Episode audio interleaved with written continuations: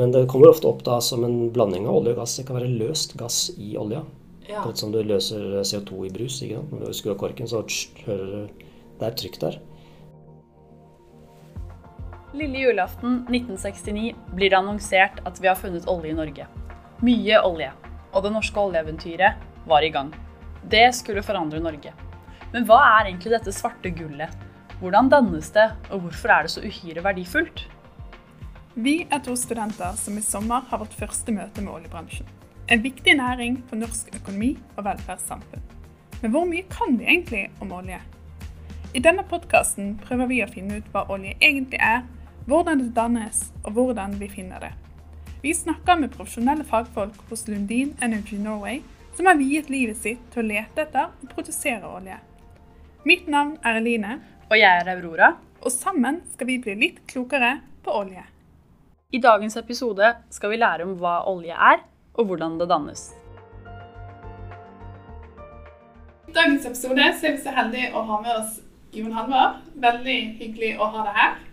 Har du lyst til å starte med å si litt om, si litt om deg selv? Sånn alder, hva gjør du med din bakgrunnen din? Jo, takk for det. Det kan jeg gjøre. Jon Halvard Pedersen heter jeg da, og er 47 år gammel. Jobber i Lundin, leteavdelingen, som petroleumssystemanalytiker, som vi kaller det. En slags petroleumsgeolog. Så min jobb er å bidra til å, at Lundin eh, gjør funn av olje, som vi da kan eh, sette i produksjon og, og tjene penger på. Eh, min bakgrunn er som eh, utdanning fra Universitetet i Oslo. Jeg tok en, eh, en ph.d. der, så begynte jeg å jobbe i Statoil før jeg kom til Lundin. Så jeg har vært her i drøyt ti år. Ja, Hva var det som trakk deg mot oljebransjen? Det var litt tilfeldig, men jeg skulle egentlig bli biolog. Åh, Men eh, så tok jeg da grunnkurs i geologi, og da, da var det gjort, egentlig. Så og for uh, de som studerte geofag på den tida, så var det naturlig å søke seg mot oljebransjen. Og det har jeg ikke angra på. Vi kan jo starte der. Og, altså, sånn, hva er olje, og hva er gass, egentlig?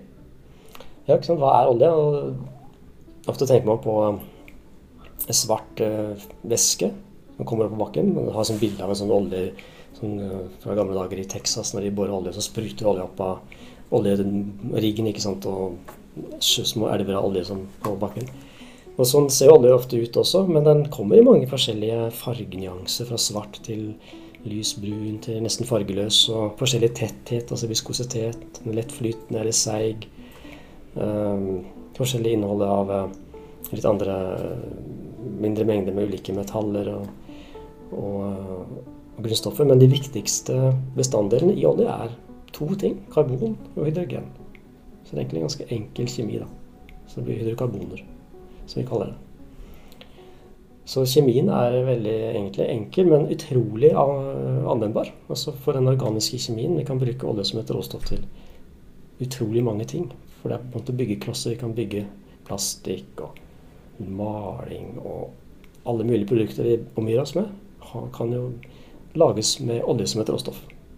I tillegg til energien, da, selvfølgelig, som er, eh, den er full av energi. Så gjør at det er så mye energi i olje og gass.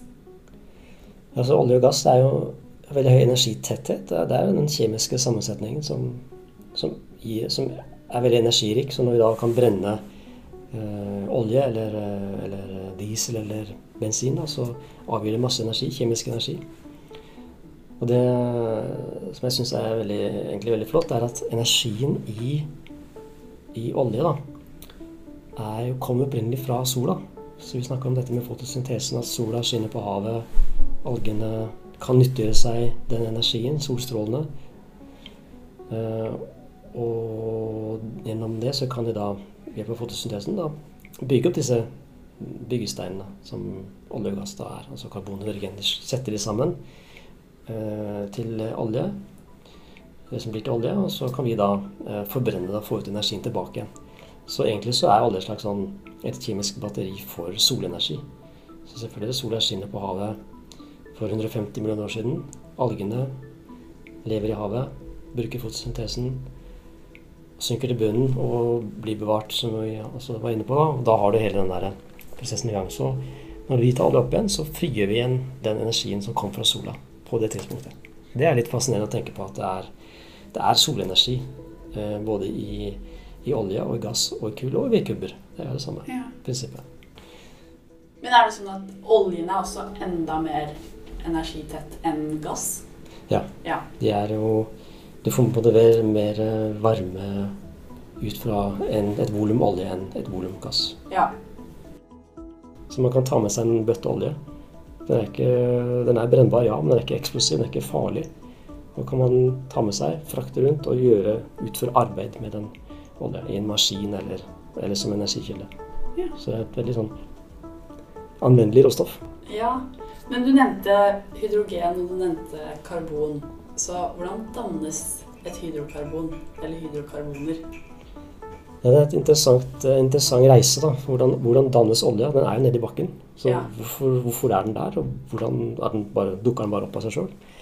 Men eh, som lenge så visste man ikke hvorfor, hvordan olje dannes. Man bare boret, man antok at her er det olje, la oss bore ned og finne olje, og så var man glad for det. Og så begynte man etter hvert å se på kjemien i olja, man begynte å forske litt mer på bergartene olja forekom i, og så begynte man å se sammenhenger basert på kjemiske analyser. Da så man etter hvert at man finner spor i olje av levende organismer. Så F.eks. finner man alltid eh, ofte spor av eh, klorofyll som fins i planter. Så da forsto man etter hvert at olje dannes fra eh, organiske forbindelser som da eh, stammer fra levende organismer. Og nesten all olje har starta sin reise som en alge, eller som plankton i havet. For der i havet så er det jo enormt mye biomasse, altså plankton, som lever der og tar sollyset som energikilde i fotosyntesen. Tar ut karbon fra oppløst CO2 i havvannet og hydrogen fra vann. Og fotosyntesen kjenner jo, ikke sant? da har du CO2 pluss vann mm. med sol, lys som energikilde, blir sukker og oksygen, sånn forenkla.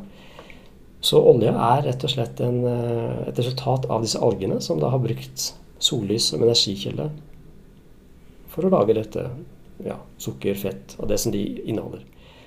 Og så kan du se for deg I havet så lever de i den fotiske sonen hvor sollyset kommer ned. Man har disse algeoppblomstringene. Man kan jo se det ofte i Oslo, man ser Oslofjorden. Man ser det langs norske kyster om våren. Mm. Masse alger. Og så noe av det kanskje synker ned på bunnen.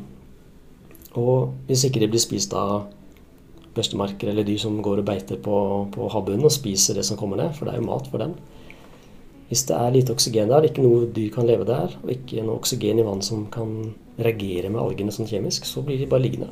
Så det bevares de. Og så blir det hoper seg opp mer og mer alger og mudder på havbunnen. Se for dere f.eks. inni Oslofjorden, da, som er en sånn dyp, ganske dyp fjord. Ganske sånn smal. Kanskje dårlig sirkulasjon på, på havbunnen. Det stillestående vann, lite oksygen. Så over tusener og tusener av år så vil det jo etter hvert det hope seg opp da, et sånt lag med mudder og alger i, i en sånn herlig miks. Og da, hvis du tar den pakka med mudder og alger, da, så tenker vi at den over millioner år begraves dypere og dypere og blir til en bergart. Da har du utgangspunktet for å få danna olja i undergrunnen. Ja, den bare presses gjennom eh, havbunnen og mm. nedover? Det kommer på en måte mer med sedimenter som legger seg oppå, og over millioner år så kan det bli tusenvis av meter. Så til slutt så ender disse her, det opprinnelige laget vårt med alger og mudder dypt under havbunnen. Så det er rundt sånn ja, 3-4 km dyp, der er temperaturen begynner å komme opp i 90-100 grader, da omdannes det organiske materialet, altså de døde algene, til, til olje. Ja. Så det har på en måte en begrensning for hvor langt det kan trykkes ned? At uh, etter 4000 meter eller et eller annet sånt, så går den ikke, så presses den ikke lenger ned? Nei, den kan gå dypere. Ja, den kan det. Ja. Da, men da blir temperaturen så høy etter hvert at uh, olja til slutt også ødelegges av temperaturen og blir til gass. Ja. Men hva er det For jeg tenker når alle disse sedimentene og dette avsettes og pakkes og pakkes over ja, mange millioner år, hvor eh, skjer det bare plutselig? Plutselig får man olje, eller er det hva, er det en overgang her fra det er biomasse til det blir olje? Mm, det er det. Absolutt. Og det bruker noen begreper som at en, en, denne bergarten, da, som inneholder dette organiske materialet, disse algene, kan inneholde kanskje mellom 2 til 3, 4, 5, 8, 20 av denne bergarten består av dette, disse algene, eller organisk karbon, som vi kan kalle det. Og i utgangspunktet så, så, det, så ligger det som sånn fast form. Det blir til sånn det vi kaller kerogen, som man kan se på og studere i mikroskop. Så det ser bare ut som sånn svart fast stoff. Men når det kommer ned i en viss temperatur, så brytes bindingene mellom molekylene fra hverandre pga. temperaturen. Og da omdannes det her til, til olje. Nesten, kan nesten se for dere is da, som smelter. Is i fast form. Og så smelter det og blir til vann, da, som er en væske. Ikke helt det samme, men det kan gi et bilde på hvordan den omdanninga skjer. I den prosessen, så når det blir til uh, i flytende form, da, så er det sånn at olja flyter på vann. Dere kan jo helle soyaolje eller matolje på vann, så flyter det. ikke sant? Det er lavere tetthet enn en vann. Sånn er det også med olja i undergrunnen. Så den har en oppdrift. For ellers, ellers i undergrunnen, i, i porositeten, altså de bergarten er ikke helt tette. Det er jo porositet der, som det inneholder mye vann men også olje og gass. Og olje og gass vil alltid prøve å komme seg oppover pga. den lavere tettheten og oppdriften. Det blir som eh, gassbobler i vann. ikke sant? Det går opp. Jeg må bare spørre, Når du sier porøsitet, hva mener du da? Porøsiteten det er se for dere ikke sant? Et porøst, en svamp f.eks. er porøs. Eller dere kan se for dere hvis du tar en, en glasskolb og fyller med klinkekuler. Så vil da klinkekulene være tette. Men mellom klinkekulene så er det jo hullrom. Det er porøsitet. Ja, jo mer porøsitet, jo flere hulrom er det. Mm. Så da, da, vil det være plass til ting mellom klinkekulene. Og der er det jo da ofte enten bare vann, eller det kan også være olje eller gass. Det er det vi kaller porøsitet. Så når vi leter etter, eh, etter olje og gass, så prøver vi å finne disse bergartene som har den porøsiteten. Hvor olja kan Vi finner den olja i de porerommene, som vi kaller det. Og den kan også strømme gjennom bergarten. Bergarten er porøs. Så da, når vi da borer en brønn og finner olje, så kan vi begynne å produsere olje fordi bergarten har altså en permabilitet, så olje kan strømme gjennom disse poresystemene inn til borehullet og så opp til overflaten. Er, derfor er denne porositeten en viktig parameter for oss. Da. Vi prøver å estimere hvor mye olje kan det være et sted. Da må vi forstå hvor mye plass til olje er det i denne bergarten, i denne porositeten. Ja. Du sier at oljen stiger opp, men, eh, men, hvor stopper den? Eller hvor havner den til slutt? Ja, ikke sant? Den mye olje, nesten all, Mesteparten av olje som dannes jo, i, um, over geologisk tid, som er millioner år Det tar lang lang tid å danne det. For Det er en funksjon av, av temperaturen. ikke sant? Den øker jo. Men det, det synker langsomt inn. Disse, disse sediment, sedimentære pakkene de synker langsomt inn. Og så Etter hvert så øker temperaturen, og så dannes olje. Og når den først begynner å strømme opp til overflaten, så så er det mye olje som bare forsvinner opp til havbunnen og ut i havet og blir borte. Og der blir den også faktisk kilde til eh, Det er jo en kilde til næring for bakterier. De kan jo leve av olje. Og noe olje bare forsvinner inn i sedimentene og kommer aldri noen vei. Det stopper bare opp. Det går inn i sånne blindveier. Mens eh, noe olje da kan fanges i geologiske strukturer, så bare får en, en, kopp opp ned. Det danner en slags sånn en, eh, så ta en kopp under, under, vann, opp ned, og så fyller det på luft. ikke sant? Så vil lufta fanges i koppen. Som en sånn stor luftboble inni koppen. Det er litt det som skjer også med olje i undergrunnen. Det vil migrere, som vi kaller det, bevege seg oppover. Så treffer det en sånn omvendt kopp, da, eller det vi kaller en geologisk struktur, som, er, som er, eh, kan dannes ved hjelp av geologiske prosesser. Det blir et slags hulrom? Eller? Nei, ikke hulrom, men vi ser for deg bare en, en sandstrand. Og at sandstranden har blitt en sandstein med porositet. Det blir tilbake til klinkekulene. ikke sant? Ja. Hvert sandkorn er en sånn klinkekule. Ja. Uh, og hvis du da har den porøse bergarten, som vi kaller en reservoarbergart, i denne omvendte koppen, eller den geologiske strukturen, så er olja fanga der, i en felle. Ja. Kommer ikke videre, for oppå koppen, der er det da en uh, tett bergart. Ja, så den går ikke lenger opp? Nei. Eller den når ikke lenger opp? Men det er mange tilfeldigheter som skal klaffe for at det her skjer. Ja. Så derfor vi regner på at det er bare noen få prosent av olja som er danna i naturen, som vi kan få tilgang til. For det er så mange ting som skal matche og få olja fanga i denne fella, og at vi i tillegg kan finne den olja, bore ned i denne fella og faktisk få olja opp til overflaten. Så det er masse ting ja, det, det, er det som er det gunstige. Det er dette man er ute etter, å finne disse fellene hvor denne oljen da er ja, jeg vet ikke, fanget, som du sier. Nettopp, ja. Mm. Den er fanga der. Så er det jo også Det er også det vi gjør, er å prøve å finne disse fellene da, ved hjelp av å kartlegge undergrunnen og seismiske data, som er, vi bruker da for å prøve å se ned under havbunnen, to-tre kilometer ned, og så prøve å kartlegge hvor olja kan være fanga i disse, disse fellene. Du var litt innom det med, med, temperatur, men bare for å få det litt tydeligere. Altså, hvilken rolle spiller trykk og temperatur i de her prosessene? 4000 meter under bakken. Mm. Ja, og så tenker jeg, hvis jeg kan skyte litt på det For nå har vi snakket mye om olje, men så Man snakker hele tiden om olje og gass. Hva er forskjellen der? Eller hvor kommer det ene inn før det andre? Ja, det henger litt sammen med trykktemperatur, som du sier, olje og gass og sånn. fordi på norsk sokkel har vi både, vi har både olje og gass. Så eh, hvor kommer gassen fra? ikke sant? Fra samme kilde som olja? Ja, faktisk. Av og til så gjør den det. da. Vi sier at eh, olje og gass er assosiert. Det kommer fra samme type kildebergart. da. er med disse, masse disse døde algene. Men også kull. Det kan også finnes mye kull ute på Jeg vet at det er mye kull ute i, i Norskehavet også. Mye gass kommer fra kull. Kull kan gi mye gass, da. Men, eh, og det er klart, når temperaturen øker, så, som vi var inne på, så skjer en overgang fra dette kerogenet, dette faste stoffet, til olje. Og så øker temperaturen enda høyere. blir sant, 150 grader, 180 grader, 200 grader. Oi, nå begynner det å bli kritisk for olja. Da blir den også da dannes det gass av olja. Det blir så høy temperatur at bindingene mellom molekylene og atomene i olja rives i filler, og så blir det bare til til gass. Altså metan er jo den enkleste gassen. Ett karbonatom og fire hydrogenatomer. Ja, Men er det, det, er litt sånn tilsvarende prosess som med vann? At når vann får så høy temperatur at det blir til eh, damp? Eller på en måte eh, Det er ikke helt det samme, for Nei. det er jo fremdeles eh, vannmolekyler. Ja. Mens her endrer vi også molekylstrukturen i hydrokarbon. Vi kan se for deg et langt molekyl som bare er olje, som bare choppes opp i små biter til å bli til gass. Ja. Du bare river de filler pga. temperaturen. Ja. Så trykket spiller også inn, men temperaturen er den som styrer det mest. Som styrer det mest, mm. ja.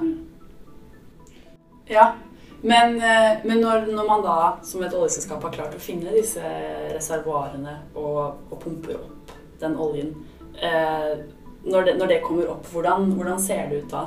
Når du tar det opp til overflaten? Hvordan ser oljen ut da? Jeg har aldri vært på, faktisk vært på en rigg og sett det skje, men det ser ut som en olje, som en svart olje, hvis den da er det, har det utgangspunktet. Men det kommer ofte opp da som en blanding av olje og gass. Det kan være løst gass i olja. Ja. Som du løser CO2 i brus. ikke sant? Når du skrur av korken, så hører du det er trykk der. Og så går noe av kullsyra ut av brusen. Så når du produserer eh, olje fra undergrunnen, så vil den ofte inneholde litt eh, gass også. Så kommer du ut av løsningen når trykket synker, da, for du tar den opp til overflaten. Men olja den, den, den, vil se, den, vil se, ut som en, um, som en, uh, en være væskeform, som et flytende svart væske. Ja. Men ja, for de der gamle filmene man har sett fra USA tidlig 1900-tall, hvor det er liksom sånn skikkelig tjukk, uh, tjukk olje som ser nesten ut som tjære, mm. er det den man har i Norge også, på norsk sokkel, eller der hvor Lundin holder til? Nei, vi har stort sett lette og fine oljer i Norge. Ja. Uh, Sånn, de har en optimal sånn, sammensetning av lite svovel. De er av god kvalitet. Men du finner også eksempler på litt sånne seige, tunge ting også. Det, det som har skjedd da, er ofte at olje har blitt spist på av bakterier i reservoaret, i, denne, i denne fella som vi var inne på. De ofte kan ligge på kanskje de ligger på et par kilometers dyp. Eh, og hvis temperaturen er under 80 grader i disse fellene, i denne porøse sandsteinen hvor olja er, så kan det leve bakterier der. Og de spiser olje. Det, det endrer sammensetningen på olja så å blir tyngre og mer og seigere. Det er eh, også litt sånn en artig ting at det kan eh, leve, ting, leve bakterier av olje ja. nede i bakken. Og de lever gjerne på den kontakten mellom olje og vann i undergrunnen. Der kan de eh, spise på olje, og dermed gjøre den seigere og mer ja. kjæreaktig. Du var jo litt inne på det i starten med hva olje brukes til, men, men eh, hva er forskjellen på den der veldig tjukke versus den veldig sånn tynne og fine? Er det, bruk, brukes det til forskjellige ting, eller hvilken er på en måte den beste å finne? Den beste er den letteste uten som bakteriene ikke har spist på. Okay. Men du kan jo du kan jo blande de sammen for å få eh, på en måte jevna ut egenskapene og tilpasse de oljene man produserer til hva markedet ønsker. Så, um, så det er uh, men det er klart, det har noe med, si noe, det har noe med nei, Hvilken verdi olje har, er jo en funksjon av egenskapene den har. Og er den veldig seig og, og viskøs da, og tjæreaktig, så har den mista en del av de lette, fine komponentene som, som, er verdifulle. Så da får den litt annen verdi, kanskje. Og så blir den mer for du konsentrere opp litt svovel og sånne uheldige forbindelser. Og så tenkte vi å høre litt, fordi så kommer jo denne oljen opp og forbrukes på jorda. Men det er jo en slags sånn eh, Ja, en, en, slags sirkulær liksom, prosess. Kretsløp. Kretsløp, ja, er ikke det man kaller det. Hvordan, hvordan foregår det, hvis, hvis, du skal se i et veldig veldig stort perspektiv her, da, millioner av år? Ja, det er veldig interessant, det kretsløpet. fordi det begynte jo, vi begynte med denne vår algekamerat i havet, mm. som tok CO, karbon fra CO2 oppløst i havvannet. Og da begynner hele den der, da begynner kretsløpet for la oss si, et oljemolekyl. Og så, som vi om, så synker det her algene til bunnen og blir bevart på havbunnen og synker videre ned i undergrunnen. Så kommer temperaturen opp i rundt 90-100-110 grader. Så blir det til olje, som da kanskje kan gå opp igjen til overflaten. Og vi kan ta olja lage bensin eller diesel av det, eller noe annet nyttig. Og så, la oss si vi fyller tanken da med, med bensin. Med karbonet fra denne alge, algen som en gang levde i havet. Og forbrenner det, så blir det inn til ny CO2. Som igjen kan gå inn i havet og inn i ny alge. Så det er egentlig det er en slags bærekraftig ressurs. Det bare tar så utrolig lang tid det ja. kretsløpet å få å få, å få kjørt det karbonatomet gjennom det kretsløpet. Så vi tar jo på en måte ut, da. Vi tar ut eh, de ressursene uh, mye raskere enn det naturlige, det naturlige kretsløpet. Tidsaspektet er jo annerledes ja. for oss enn for naturen. Ja, det er det som gjør det litt utfordrende med, med dagens forbruk mm. av, mm. av olje. Mm. Jeg syns det du Ja, kretsløpet du tok oss gjennom nå, er en veldig fin oppsummering på alt det vi har snakket om i denne episoden, og hvordan det hele mm. ja, gir et bilde på hvordan det dannes over lang, lang tid. Ja. Eh, det var eh, dagens eh, episode om olje. Og tusen takk for at du ville være med. Veldig hyggelig. Tusen takk.